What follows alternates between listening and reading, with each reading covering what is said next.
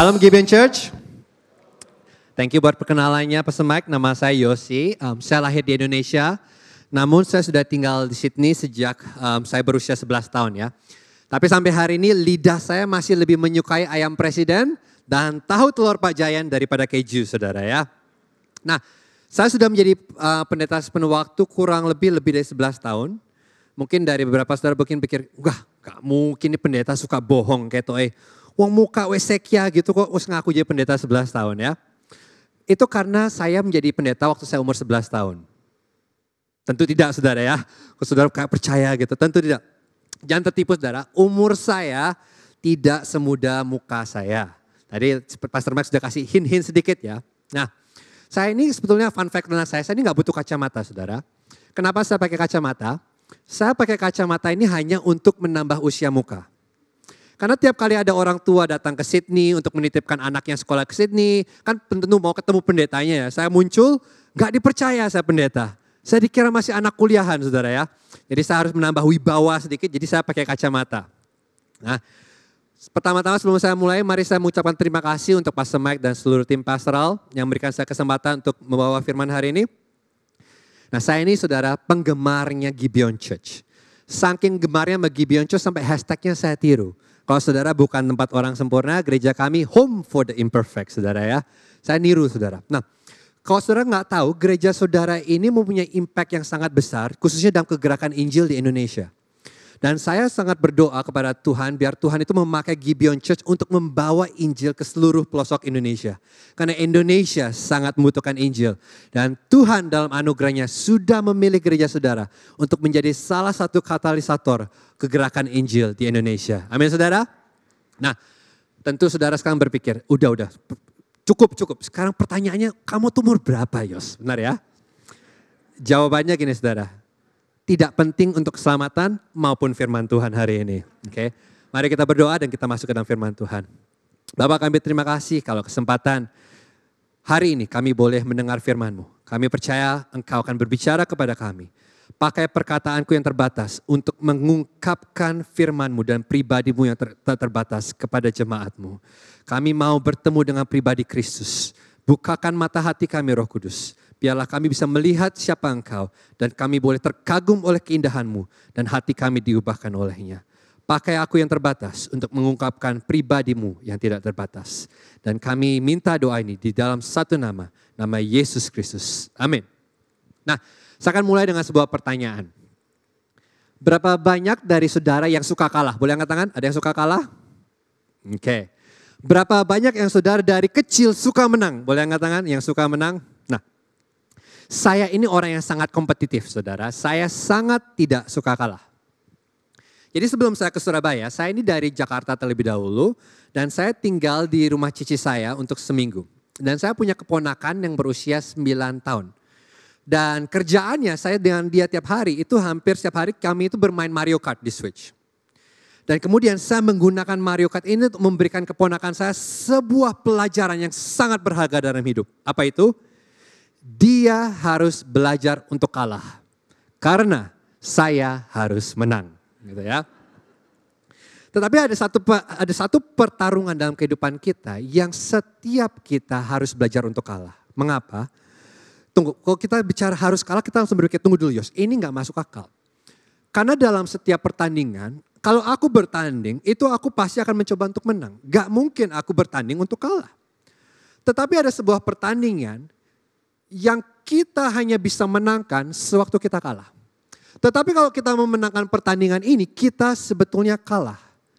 Dan kalau saudara menyebut diri saudara umat Kristus hari ini, umat Injil, saudara dan saya harus melewati pertandingan ini. Tidak bisa tidak.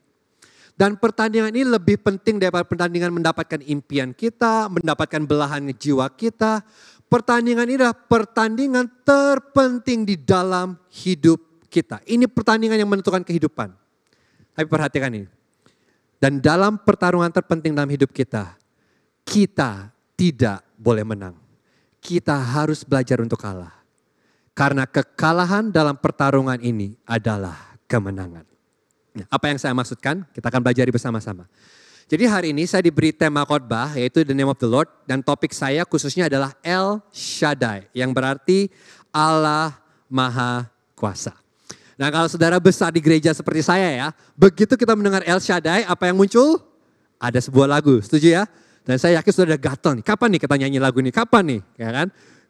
Semangat itu sebelum kita masuk khotbah kita nyanyi dulu saudara ya. Saya tahu saudara ada kepingin, ada gatel banget ya. El Shaddai, El Shaddai, Allah Maha Kuasa. Oke cukup saudara ya. Saya di sini buat khotbah bukan buat nyanyi saudara. Kalau nyanyi nanti saya nggak diundang lagi sama Gibeon Church saudara. Nah, saya yakin kita semua tahu lanjutannya Allah Maha Kuasa dia sanggup melakukan apa pun. Bahkan karena dia Maha Kuasa hal-hal yang tidak mungkin mungkin bagi Allah. Dan kita suka itu. Dan itu benar saudara. Jadi mungkin saudara datang pagi uh, siang hari ini datang ke tempat ini dengan sebuah ketidakmungkinan ketidakmungkinan dalam pekerjaan saudara, dalam keluarga saudara, dalam hubungan saudara, dalam sekolah saudara, bisnis saudara. Tetapi sewaktu kita berkata Allah Maha Kuasa itu berarti gini, Allah sanggup membuat yang tidak mungkin menjadi tidak mungkin. Tidak mungkin bukanlah kosakata di dalam kehidupan Tuhan. Karena itu halahnya butuhkan firmannya. Hanya dengan firmannya dia dapat mengubah kehidupan saudara dalam sekejap. Dan saya yakin kita suka tentang hal ini. Tetapi ada satu sisi dari Allah Maha Kuasa yang kita tidak suka. Apa itu? Ini berarti begini. Jika Allah Maha Kuasa, itu berarti saudara dan saya tidak Maha Kuasa. Dan tentu saudara secara teori ngerti, oke okay, Yos, aku ngerti, aku tidak Maha Kuasa. Tetapi kenyataannya dalam kehidupan kita sehari-hari, kita membuat keputusan, kita bertindak seolah-olah kita Maha Kuasa. Dan karena itu pelajaran tersusah dan terpenting dalam mengikuti Kristus ada belajar untuk mengerti bahwa kita tidak maha kuasa. Oke. Okay? Tapi sinilah ironinya. Ini ironi kekristenan. Justru sewaktu kita menyadari kita tidak maha kuasa. Di situlah kita akan mengalami bahwa Allah maha kuasa. Dan untuk menjelaskan apa yang saya maksud, kita akan melihat kehidupan satu sosok yang saudara pasti kenal, dan kehidupan orang ini sangat menarik. Kenapa? Karena dari awal kehidupannya sampai akhir kehidupannya kita hampir tidak menemukan dia itu melakukan sesuatu yang baik. Dia gagal, gagal, gagal, gagal. Tetapi dia diberkati oleh Allah. Dan ini kehidupan orang ini sangat menarik karena ini menceritakan apa itu Injil yang sesungguhnya. Oke, Dan nama sosok ini adalah Yakub. Oke, kita akan lihat kehidupan Yakub bersama-sama. Dan saya membagi khotbah ini jadi tiga bagian ya. Nama yang lama, nama yang baru, dan berkat misi. Kita lihat yang pertama, nama yang lama. Untuk saudara mengerti bobot apa yang terjadi, bagaimana Yakub akhirnya mengerti Allah Maha Kuasa, kita harus mengerti dulu sejarah Yakub. Siapa dia? Yakub ini adalah putra dari Ishak dan Rebeka yang berarti dia adalah cucu siapa saudara? Abraham. Dan kita tahu Allah berjanji kepada Abraham, Abraham melalui keturunanmu seluruh keluarga di muka bumi akan diberkati. Jadi dengan kata lain begini, bahwa dalam setiap generasi itu akan ada bibit mesianik yang akan dibawa oleh satu orang. Dan Mesias ini yang akan memberkati seluruh keluarga di bumi. Nah pertanyaannya adalah, siapa yang akan mewarisi bibit mesianik ini? Jadi Abraham punya dua anak pria namanya siapa? Ismail dan Ishak. Tentu saudara gampang milihnya. Pasti Ishak lah. Kan Ishak anak dari istri sah Abraham. Tidak mudah buat kita, eh, tidak sukar untuk kita menerimanya. Pertanyaannya adalah apa yang terjadi berikutnya? Ishak dan Rebeka mempunyai dua anak kembar yang bernama Esau dan Yakub. Nah, ini kembar. Jadi pertanyaannya siapa yang akan menerima berkat khusus ini? Dan secara budaya kita mengerti bahwa anak yang keluar terlebih dahulu, anak sulung itu akan mendapatkan berkat khusus. Dan siapa yang keluar duluan saudara? Esau. Tetapi yang aneh adalah begini. Seakan-akan Yakub ini mengerti pentingnya untuk eh, memiliki berkat ke anak sulungan. Yakub ini keluar kedua dengan memegang tumit kokonya, memegang tumit Esau. Sehingga akhirnya Yakub diberi nama Yakub yang artinya pemegang tumit atau pegulat. Dan arti lain dari nama Yakub adalah penipu. Saya nggak pernah habis pikir ya, kenapa ada orang memberikan nama anaknya seperti ini. Contoh ya saudara, oh bayimu lucu sekali. Siapa nama bayinya? penipu. Saudara mikir di otak, welek pol namanya ya. Ini nama jelek sekali, tetapi dua makna ini, pegulat dan penipu, ini adalah gambaran cerita Yakub. Karena Yakub sepanjang hidupnya dia terus bergulat dan dia terus menipu untuk mendapatkan apa yang dia inginkan. Jadi suatu hari akhirnya tiba Ishak harus memberkati Esau. Saudara tahu apa yang Yakub lakukan? Yakub mencuri berkat Esau dengan berpura-pura menjadi Esau. Jadi dia datang kepada papanya. Papa, papa, papa, aku membawakan makanan yang kamu minta. Dan Ishak bertanya sebuah pertanyaan penting. Ishak berkata gini, siapa kamu? Dan Yakub menjawab, aku Esau, anak sulungmu. Dan dengan demikian Yakub mencuri hak kesulungan Esau. Yakub mencuri berkat Esau. Dan karenanya Esau marah dan Esau mau membunuh Yakub. Dan Yakub kabur pergi ke rumah pamannya Laban. Dan kita cap, maju cepat beberapa tahun. Dan akhirnya Yakub ini menjadi orang yang kaya. Dan banyak hal yang terjadi dalam tahun-tahun itu. Contoh, dia jatuh cinta, Kemudian dia setuju bekerja sama tujuh tahun untuk mendapatkan kekasih hatinya. Kemudian dia mengadakan pesta pernikahan. Kemudian hanya untuk bangun besok paginya dia lagi tidur, dia bangun. Udah kaget, Umu, siapa kamu? Oh kamu istriku tuh. Loh sayang, kok kamu mirip Paul ya sama cicimu kalau nggak pakai makeup ya? Dan ternyata siapa, siapa itu? Itu ternyata Lea, kakak dari Rahel. Dan kemudian akhirnya Yakub setuju untuk bekerja tujuh tahun lagi untuk mendapatkan Rahel. Jadi sekarang dia punya dua istri. Dan dua istri ini adik kakak. Dan adik kakak ini kemudian bersaing. Siapa yang dapat memberikan Yakub anak laki-laki paling banyak? Jadi kehidupan Yakub setelah itu apa? Jeblas, jeblos, oe, oe, jeblas, jeblos, oe, oe. Sampai berapa anak? 12 anak laki-laki keluar. Wah, dan kemudian bukan cuma itu. Kemudian Yakub dan Laban sendiri ini bertanding, bergulat. Laban mencoba menipu gaji Yakub dan kemudian Yakub juga coba menipu Laban. Jadi ada dua penipu handal yang saling menipu satu sama lain. Ya saudara mikir kok Alkitab seru ya? Iya memang makanya baca no. Kan ini lebih seru daripada drama Korea saudara, percayalah. Dan kemudian setelah 20 tahun berlalu, Yakub meninggalkan rumahnya. Kemudian Allah menampakkan diri kepada Yakub. Dan Allah berkata, Yakub kembali ke rumah orang tuamu melewat mimpi ya. Allah menampakkan dirinya. Dan kemudian Yakub taat. Namun ada satu masalah besar. Saudara tahu apa nama masalahnya? Esau. Dan Yakub mengirim utusan untuk memberitahu Esau bahwa Yakub akan datang pulang ke rumah. Dan kemudian utusan itu kembali ke Yakub dan berkata, oke okay, Esau akan datang kepada kamu dan Esau membawa 400 orang pasukan. Bukan 4, bukan 40 berapa saudara? 400 ini pasukan besar. Jadi sekarang Esau datang bawa pasukan untuk menemui Yakub. Nah kalau saudara Yakub tentunya saudara akan berpikir, wah tuh mate iki. Ya Esau datang untuk membunuhku. Pasti, cuman itu ada yang ada di pikiran Yakub. Dan akhirnya untuk pertama kali dalam hidupnya, Yakub berdoa kepada Allah meminta pelindungan. Dan di malam terpanjang dan di malam tergelap dalam kehidupan Yakub, Yakub berdoa, dia berkata, Tuhan kamu yang menyuruh aku balik ke rumah orang tuaku. Kamu yang menyuruh aku mengambil langkah iman ini. Dan sekarang aku taat. Kenapa malah Esau datang membunuhku? Aku butuh pelindunganmu, tolong aku Tuhan. Dan kemudian di tengah-tengah malam yang panjang dan gelap, sesuatu yang sangat aneh terjadi. Kejadian 32 ayat 24 sampai 27. Lalu tinggallah Yakub seorang diri dan seorang laki-laki bergulat dengan dia sampai fajar menyingsing. Ketika orang itu melihat bahwa ia tidak dapat mengalahkannya, ia memukul sendi pangkal paha Yakub sehingga sendi pangkal paha itu terpelecok ketika ia bergulat dengan orang itu. Lalu kata orang itu, biarkanlah aku pergi karena fajar telah menyingsing. Sahut Yakub, aku tidak akan membiarkan engkau pergi jika engkau tidak memberkati aku.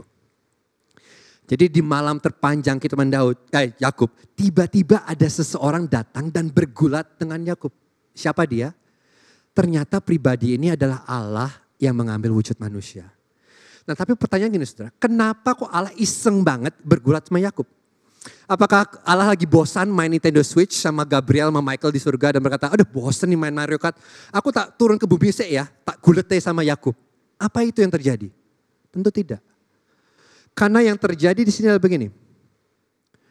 Allah sedang mengejar Yakub. Karena sebelum pertemuan Yakub dengan Allah di malam ini, Yakub tahu tentang Allah. Dia sudah mendengar tentang Allah dari papanya Ishak, dari kakeknya Abraham, dia tahu. Bahkan dia sudah menerima janji Allah dalam mimpi. Jadi dia tahu tentang Allah, dia menerima janji Allah, dan bahkan dia sudah mengalami berkat Allah. Dia menjadi kaya dan dia memiliki banyak anak. Namun ada satu hal yang Yakub tidak miliki. Yakub tidak mengenal Allah. Yakub tahu tentang Allah, dia menerima janji Allah, dia mengalami berkat Allah, namun dia tidak mengenal Allah. Dan ini kekhawatiran saya hari ini. Seringkali ada banyak orang datang ke gereja, ada banyak umat Kristus yang ada di gereja. Yang tahu tentang Allah, tahu janji Allah, bahkan mengalami berkat Allah, tetapi tidak mengenal Allah.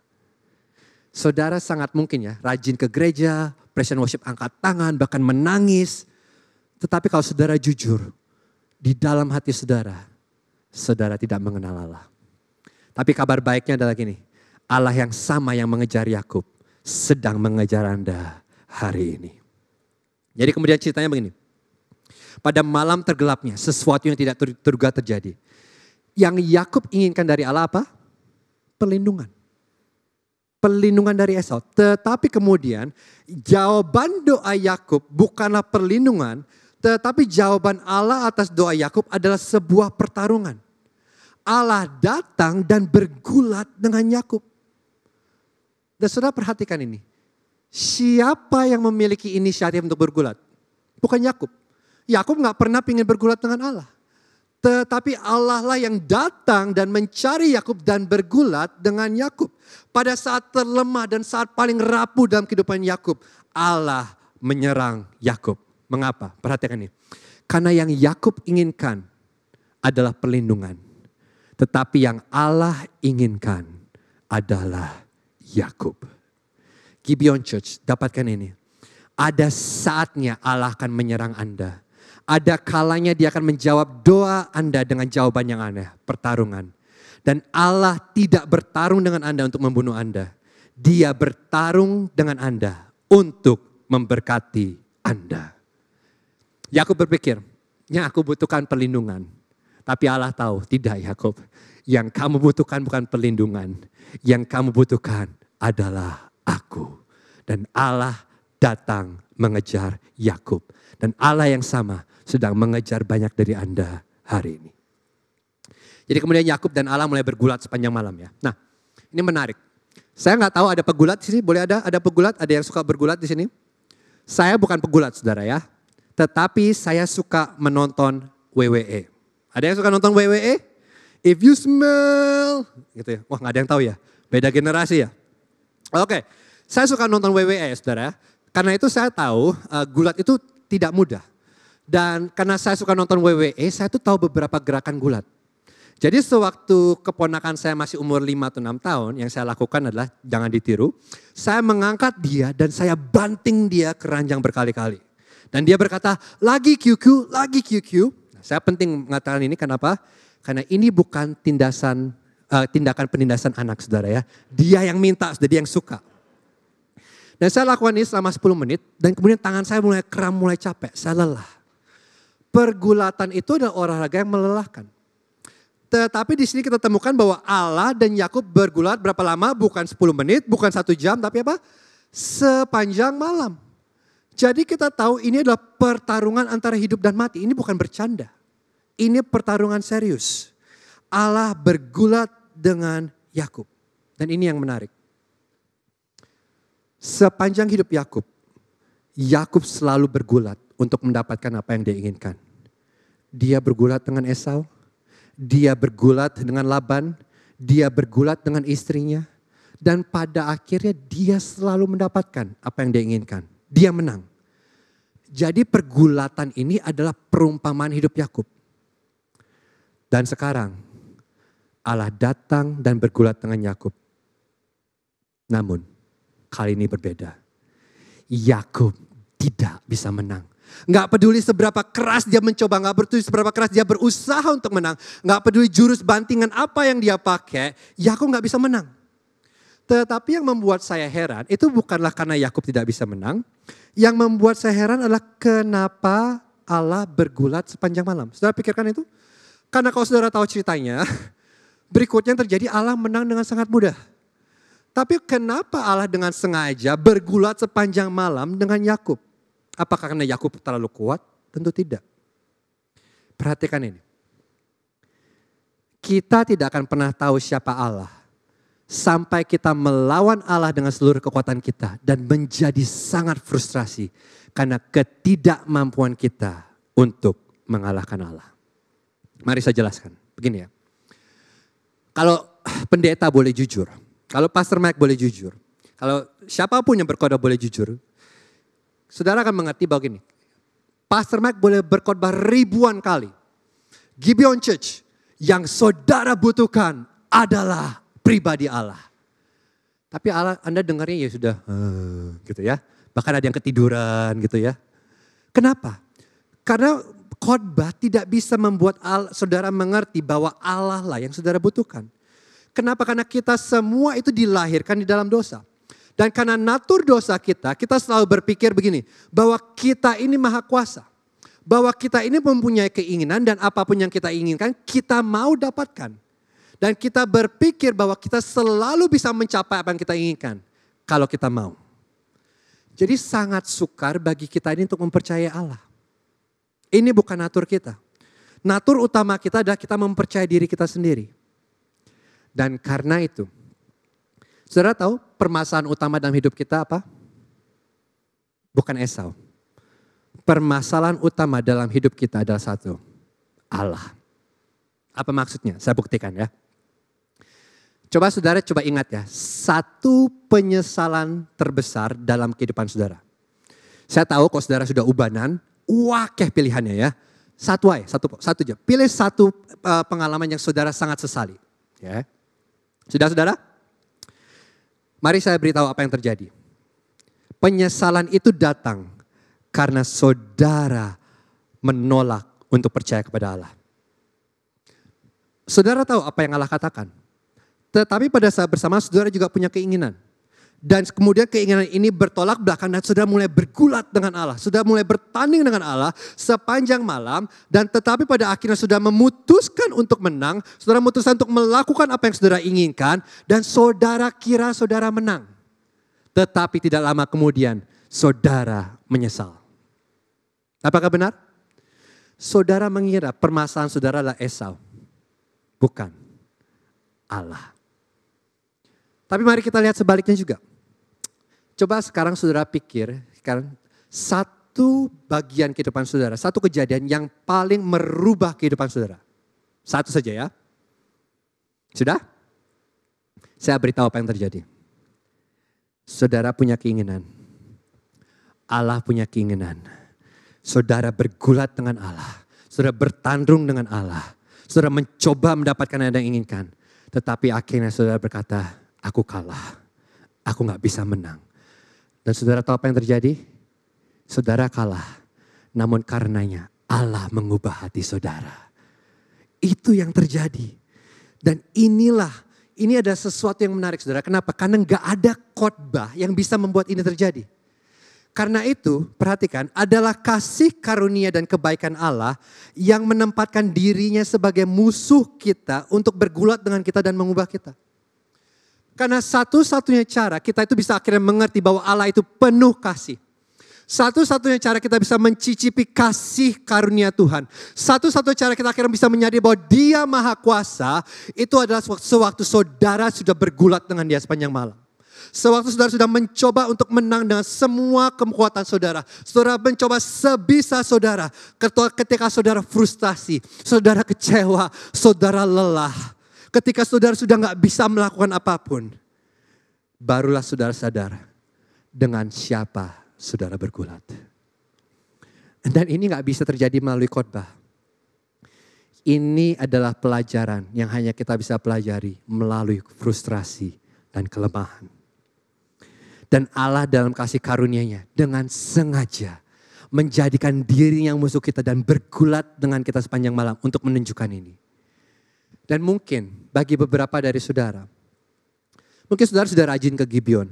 Tetapi saudara belum merasakan pribadi Allah. Saudara belum mengenal, aku belum merasa itu hatiku belum mengenal Allah. Mari saya beritahu kenapa. Mungkin karena saudara belum cukup frustrasi. Karena saudara belum cukup bertanding dengan Allah sampai saudara nggak kuat lagi. Dan akhirnya saudara berkata, aku menyerah. Kenapa? Karena justru karena saat itulah dan hanya saat itulah Anda akan mengetahui Allah Maha Kuasa. Kita lanjut ya. Dan akhirnya setelah bergulat sepanjang malam, Allah ini nyadar, waduh Yakub ini nggak pernah mau menyerah. Jadi apa yang Allah lakukan? Allah menggunakan sebagian kecil dari kekuatannya. Nah kalau di bahasa Indonesia dikatakan Allah memukul Yakub. Sebenarnya ini kurang tepat. Tapi terjemahan aslinya adalah Allah menyentuh Yakub. Saudara bisa bedakan perbedaannya ya. Bukan memukul tapi menyentuh. Jadi Allah itu bukan kayak, oke okay, aku ada jurus rahasia nih. Wah, bukan. Tapi Allah itu berkata, oke okay lah sudahlah aku coba pakai sedikit aja. Titi ay kekuatanku. Dan Allah ting gitu aja kepada Yakub. Dan seketika paha Yakub terkilir dan Yakub kalah begitu saja. Apa artinya? Ini berarti sepanjang malam Allah membatasi kekuatannya. Dan ketika tiba saatnya buat Allah untuk pergi, Allah berkata, oke okay, time's up, aku harus pergi Yakub. Bam, pertandingan selesai, Allah menang. Tetapi pada saat itulah dan hanya itulah akhirnya Yakub menyadari dengan siapa dia bergulat. Anda lihat apa yang terjadi? Allah harus menghancurkan kekuatan Yakub terlebih dahulu. Sehingga Yakub akhirnya berhenti bergulat dan mulai memeluk Allah. Dan inilah pelajaran bagi kita, Gibeon Church kita harus belajar memeluk sentuhan Allah. Dan yang saya maksud sentuhan bukan begini ya. Bukan waktu saudara yang nyanyi di gereja angkat tangan menangis dan berkata apa? Dia jama, oh dia jama. Bukan itu. Sentuhan Allah itu sewaktu Allah akhirnya menunjukkan sedikit dari kekuatannya. Sedikit dari pribadinya kepada kita dan dia menghancurkan kita. Kenapa? Bukan karena dia membenci kita. Oh tidak Allah tidak bermain adil. Allah tidak membutuhkan izin kita untuk menghancurkan hidup kita dan mengubah kita melaluinya. Dia adalah Allah. Dan akhirnya Yakub sangat kesakitan dan Yakub tidak kuat lagi. Dan Allah berkata, oke okay, sudah waktunya aku pergi. Bye-bye Yakub, waktu sudah pergi, habis, aku harus cabut. Dan saudara tahu Yakub berkata apa? No, no, no, no, no, no, no, no. No, no, no, no. Aku tidak akan membiarkan kamu pergi sampai kamu memberkati aku. Inilah yang dikatakan Yakub. Yakub berkata ini, aku sangat kesakitan sekarang. Aku tidak berdaya. Aku sudah hancur, aku sudah tidak punya kekuatan lagi. Tapi sekarang aku tahu siapa kamu. Dan karena aku sudah tahu siapa kamu, aku gak bisa kembali ke kehidupanku yang lama. Aku gak bisa lagi mengandalkan kekayaanku, keluargaku, kekuatanku. Oh no, semua sudah hancur. Aku sudah tidak punya apa-apa lagi yang bisa aku andalkan. Karena itu, aku tidak akan membiarkan kamu pergi sampai kamu memberkati aku. Sudah perhatikan apa yang terjadi? Sentuhan Allah lah yang mengubah ketergantungan diri Yakub kepada dirinya sendiri menjadi iman kepada Allah.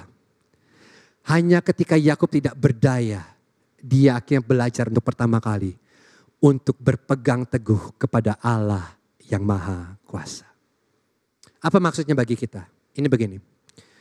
Ini berarti saudara dan saya, jangan membenci sentuhan Allah. Seringkali justru di masa-masa penderitaan, di masa-masa sakit, di masa-masa kita tidak mengerti, di masa-masa kita merasa sepertinya Tuhan memojokkan kita. Justru di masa-masa itulah untuk pertama kali yang mungkin kita belajar untuk berpegang teguh kepada El Shaddai. Allah Maha Kuasa. Saudara mengikuti saya sampai sini? Kita lihat kemudian yang kedua ya, ini yang indah sekali. Yakub bukan hanya punya nama yang lama, kemudian dia berikan nama yang baru. Ayat 27 29. Bertanyalah orang itu kepadanya, siapakah namamu? Sahutnya, Yakub. Lalu kata orang itu, namamu tidak akan lagi disebutkan lagi Yakub, tetapi Israel, sebab engkau telah bergumul melawan Allah dan manusia dan engkau menang. Bertanyalah Yakub, katakanlah juga namamu, tetapi sahutnya, mengapa engkau menanyakan namaku? Lalu diberkatinya Yakub di situ. Ya setelah Allah melihat respon Yakub dan Yakub akhirnya mengaku kalah, Allah berkata gini, siapakah namamu? Saudara ingat pertanyaan ini?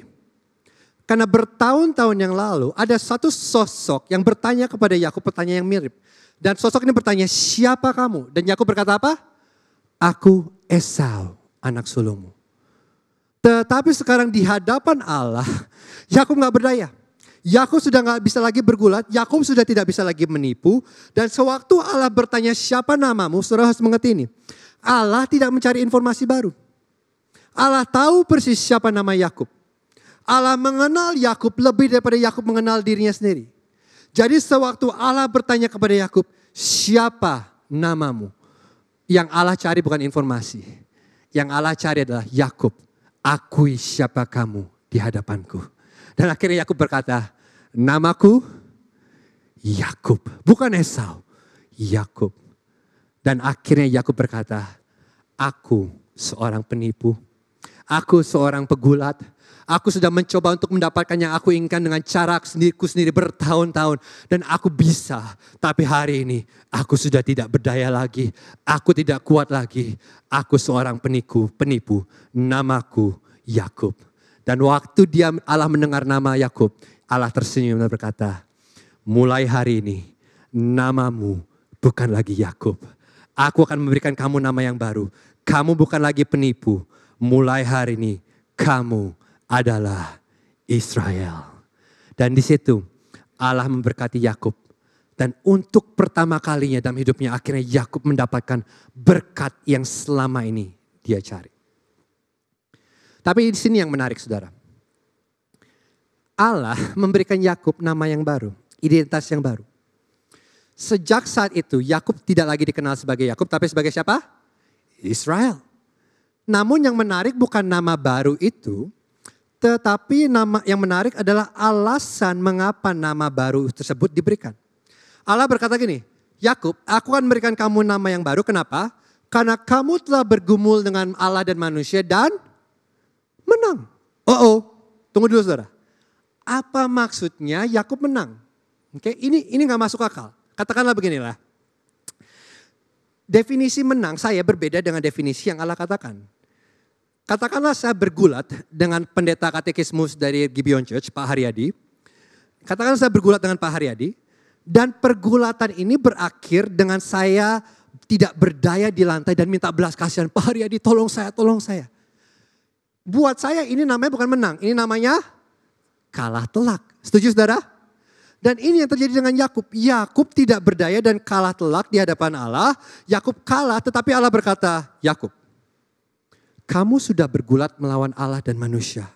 Kamu sudah menipu orang-orang untuk mendapatkan apa yang kamu inginkan. Tetapi sekarang kamu tidak berdaya. Kamu lemah. Aku telah melumpuhkanmu. Tetapi aku akan memanggilmu orang yang bertarung dengan Allah dan menang. Ini aneh.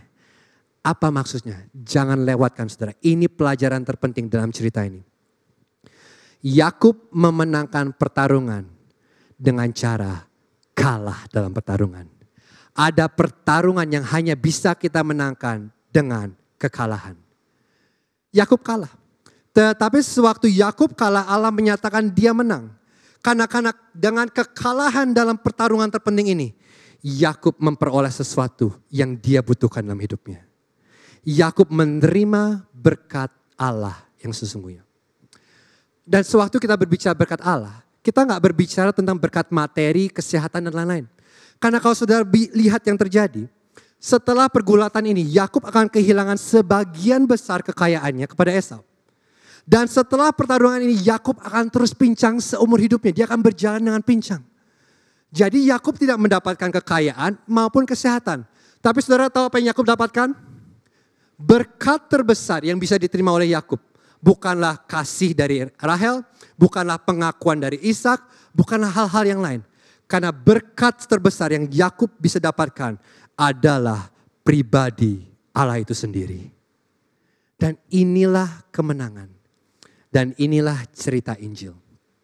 Saya tahu ya, saudara di Gibeon ini sudah sering diberitakan bahwa berkat Allah itu tidak berbicara tentang kesuksesan dunia ini, tidak berbicara tentang kekayaan, kesehatan, karena berkat terbesar dari Injil bukanlah adopsi, bukanlah pengampunan, bukanlah warisan.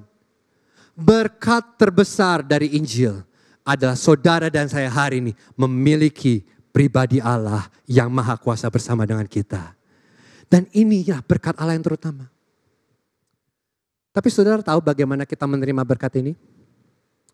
Seringkali kita menerima berkat ini melalui Allah memojokkan kita. Melalui Allah menyerang kita dan akhirnya kita nggak bisa berbuat apa-apa. Kenapa? Karena saudara dan saya tidak akan pernah tahu kalau Allah itu maha kuasa sampai kita bergulat dengan dia sepanjang malam dan kita gagal menang.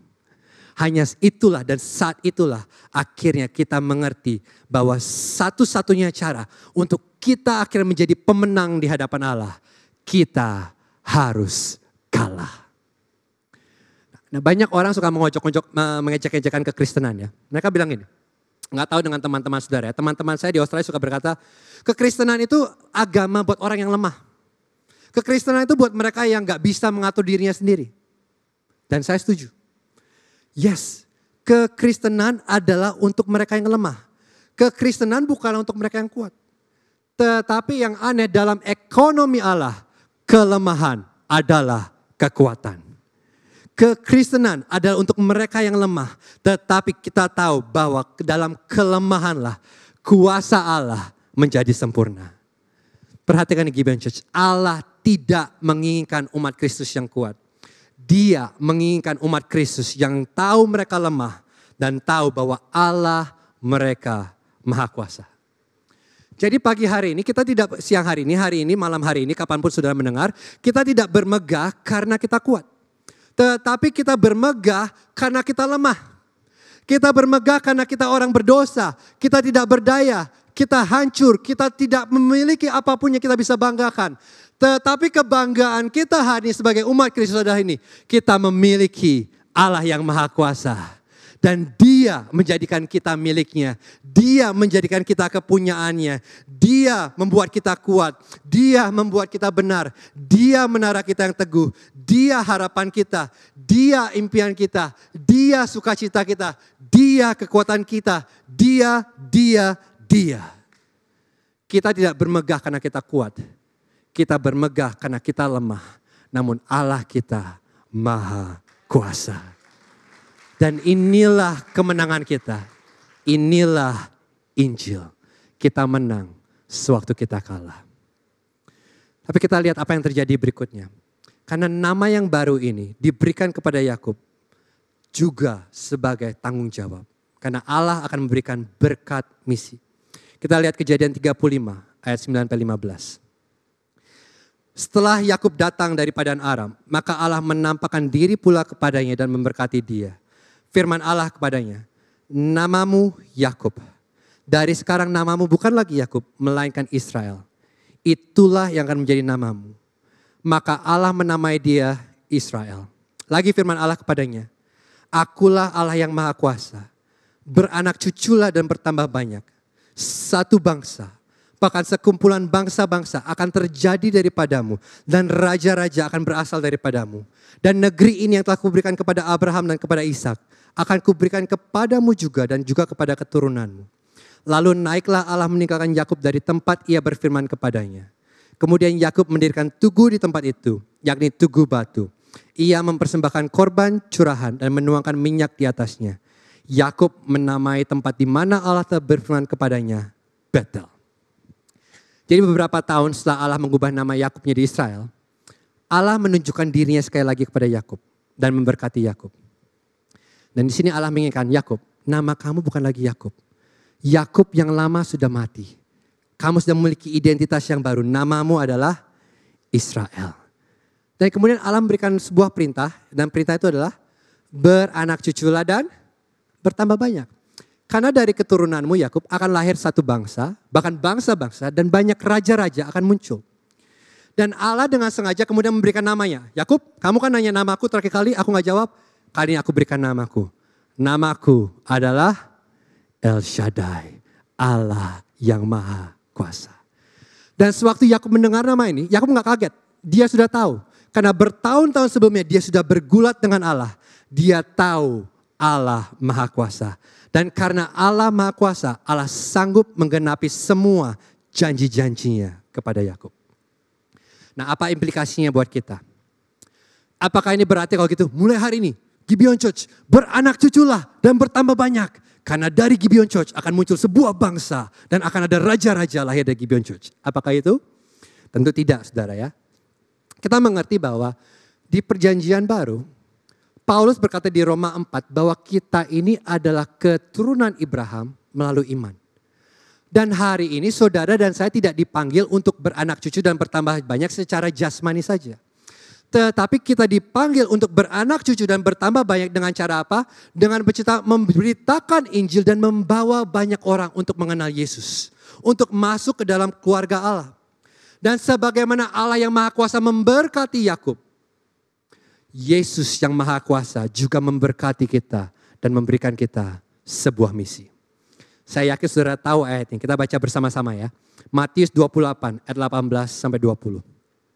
Yesus mendekati mereka dan berkata, "Kepadaku telah diberikan segala kuasa di surga dan di bumi.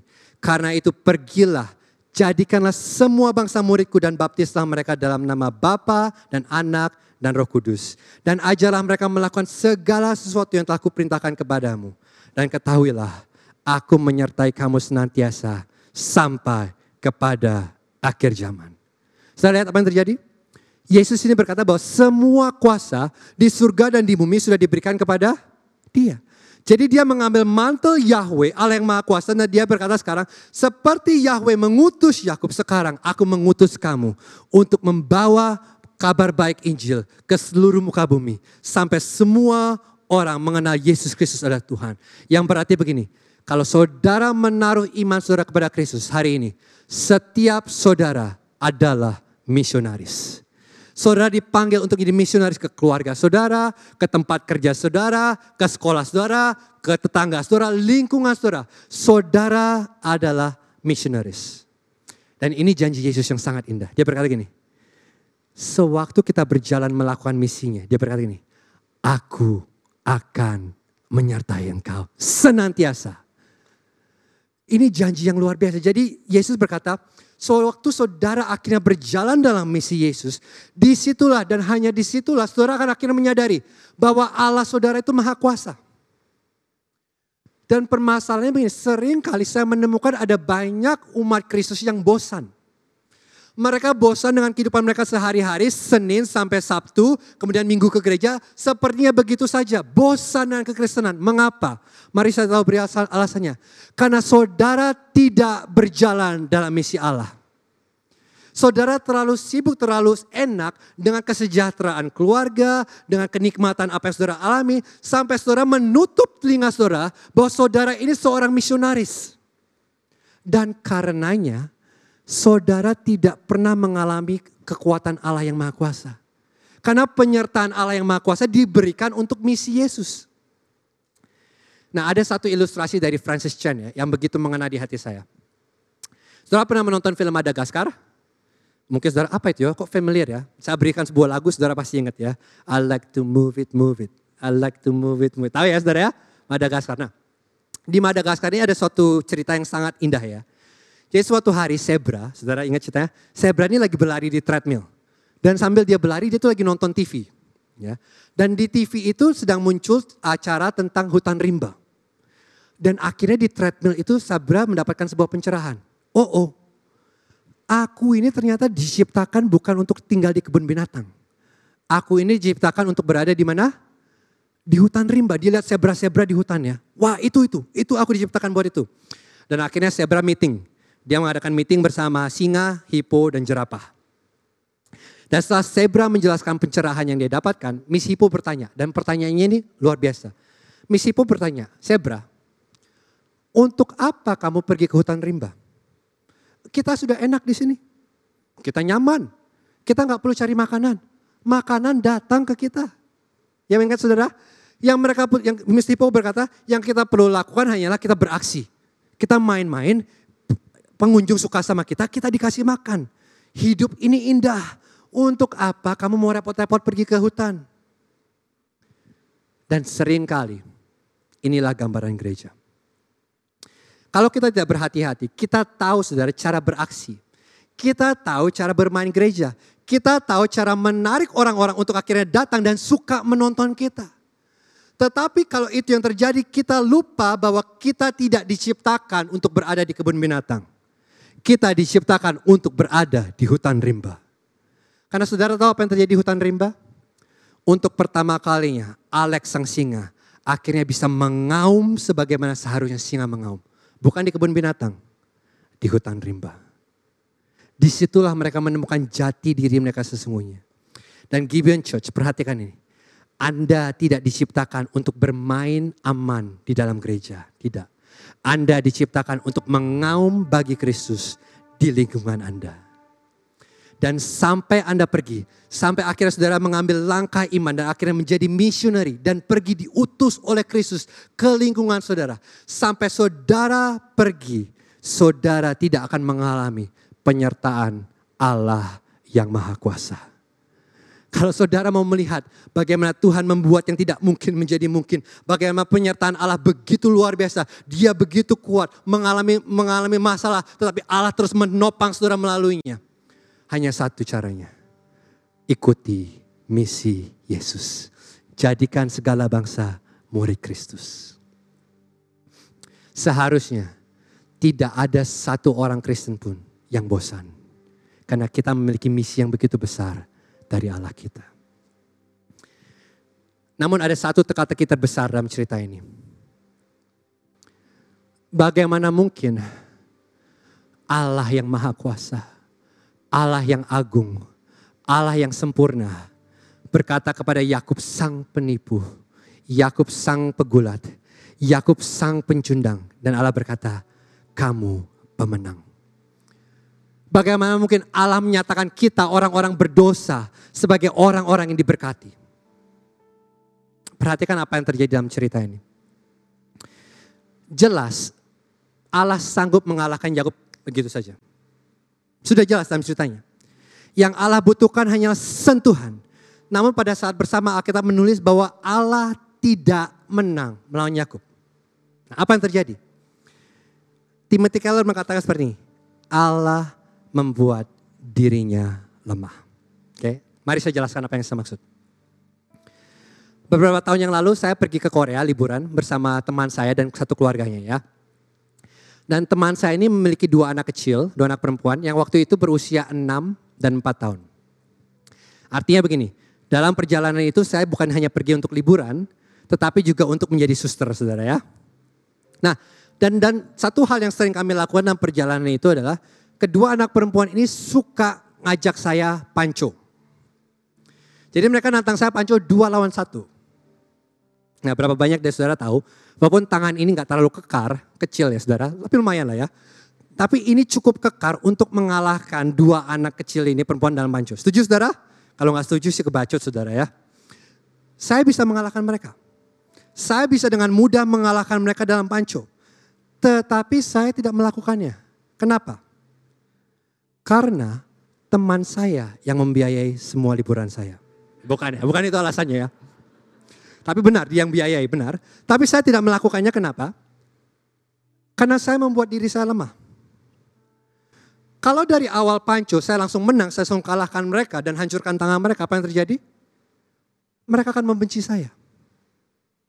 Tetapi sewaktu saya membuat diri saya lemah dan saya membuat mereka mencoba dengan seluruh kekuatan mereka, apa yang terjadi? Saya memenangkan hati mereka. Dan ini yang terjadi. Di sini kita menemukan Allah membuat dirinya lemah. Dia tidak mengalahkan Yakub. Mengapa? Bukan karena dia nggak bisa. Allah tidak menang, namun dia tidak kalah. Karena yang Allah inginkan adalah hati Yakub. Dan saudara tahu apa ini? Ini adalah gambaran Injil. Di kayu salib, Yesus Kristus yang begitu kuat, yang begitu agung, dia membuat dirinya lembah. Dan Yesus menang melalui kekalahan. Yesus bergumul sepanjang malam untuk mengikuti kehendak Allah. Dan di kayu salib dia kalah. Sepertinya dia kalah. Kenapa? Karena di kayu salib Yesus menggantikan posisi saudara dan saya yang seharusnya kalah, yang seharusnya menerima kutuk Allah, dia gantikan dia dia tanggung. Jadi di kayu salib yang Yesus terima bukan sentuhan Allah, tidak.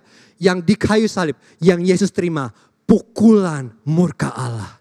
Allah melepaskan semua murkanya, kekuatannya. Dia lampiaskan, dia hajarkan kepada putranya sendiri Yesus Kristus. Dan Yesus bertahan di kayu salib. Yesus tidak turun dari kayu salib meskipun dia bisa. Dia bertahan, dia kalah di kayu salib. Mengapa? Hanya ada satu alasan. Karena itulah satu-satunya cara dia bisa memberkati kita hari ini. Alasan Allah bisa memberkati Yakub sang pecundang karena ada orang lain yang dikutuk demi Yakub. Alasan Allah dapat memberkati kita orang berdosa yang pantas dikutuk adalah karena Allah telah mengutuk seseorang yang pantas mendapatkan berkat. Yesus menjadi lemah dan dia dihajar dengan pukulan Allah dan dia melakukannya untuk kita. Dan ini yang penting. Sepertinya dia kalah namun melalui kekalahan dia menang. Karena dia membeli saudara dan saya di kayu salib.